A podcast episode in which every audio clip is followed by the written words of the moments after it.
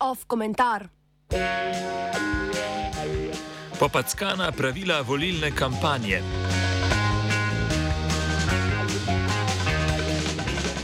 Teden dni je v politiki dolga doba. Do nedeljskih državno-zborskih volitev, prvih rednih po letu 2008, je ostalo še manj časa in politične stranke izkoriščajo zadnje priložnosti za nagovarjanje voljivcev pred volivnim mavkom, ki nastopi s polnočjo na soboto.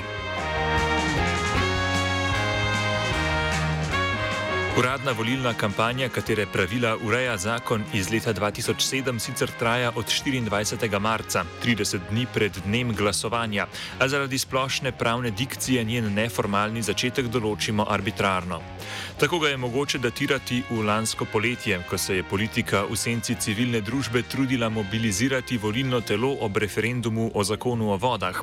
Ali kasneje, ko so se na kozovcih in ob cestah začeli pojavljati prvi plakati političnih strank, sicer ne z neposrednim pozivom volite nas, temveč splošnejšimi programsko-ideološkimi stališči.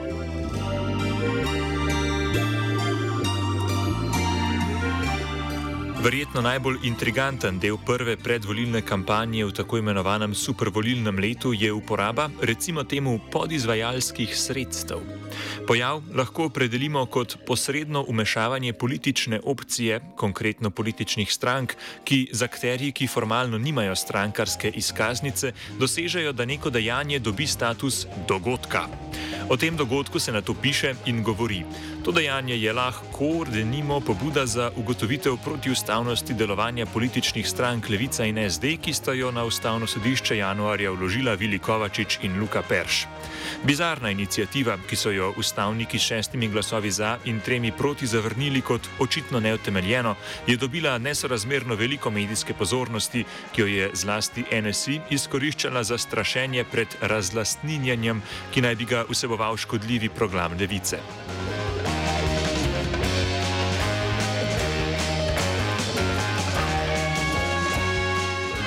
Če je bil opisani primer poskus, da bi se sodna veja umešala v dogajanje pred volitvami, je poziv za pojasnila v zvezi z domnevnimi kršitvami volilne zakonodaje, ki so ga 1. aprila od Ministrstva za notranje zadeve prejeli v inštitutu 8. marec, poseg izvršne veje oblasti v delovanje nevladne organizacije. Inšpektorat za notranje zadeve je kot pristojni prekrškovni organ namreč začel zbirati dodatna obvestila in dokaze o domnevnih prekrških. V pozivu, pod katerega se je podpisal glavni inšpektor Marko Kandolf, piše, da je inštitut 8. marec, ki je tedaj pozival kot daji podpisov podpore svojemu predlogu zakona proti škodljivim ukrepom oblasti, citiramo, v okviru kampanje izvajal dejavnosti tako na shodih po slovenskih mestih, kot tudi na spletnih straneh in družabnih omrežjih. Konec citata. Inšpektorat je od inštituta tako zahteval, naj se opredeli do navedb, da izvaja volilno kampanjo. Pri tem sam ne le nakazuje, temveč kar zatrdi, da se kampanja izvaja, ter ne na zadnje, pardon, na zadnje še obrne dokazno breme na obtoženke.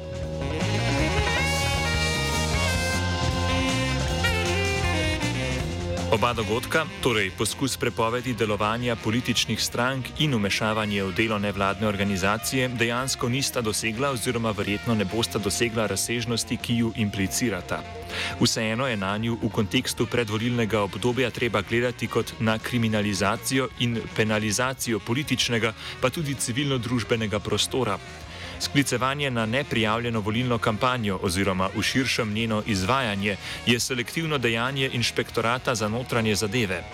Za ilustracijo, strankarski medij SDS, portal Nova 24, je pri spletnem brskalniku Google zakupil nekatere z volitvami povezane izraze in imena strank, ki so del koalicije ustavnega loka ter gibanje Svoboda.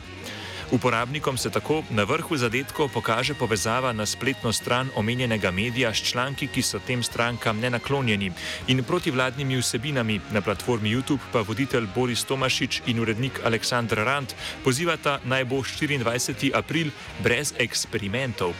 Ta slogan je izpisan tudi na plakatih Janeza Janše. Odziva inšpektorata za notranje zadeve na to, vsaj po vedenju javnosti, ni bilo.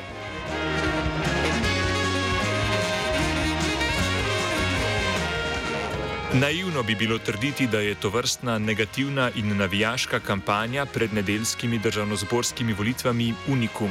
A ob ponavljajočih se izigravanjih pravil volilne kampanje, ki so tokrat dobila novo dimenzijo, bi veljalo razmisliti o spremembi zakona o volilni in referendumski kampanji, ki je bil na zadnje noveliran leta 2013.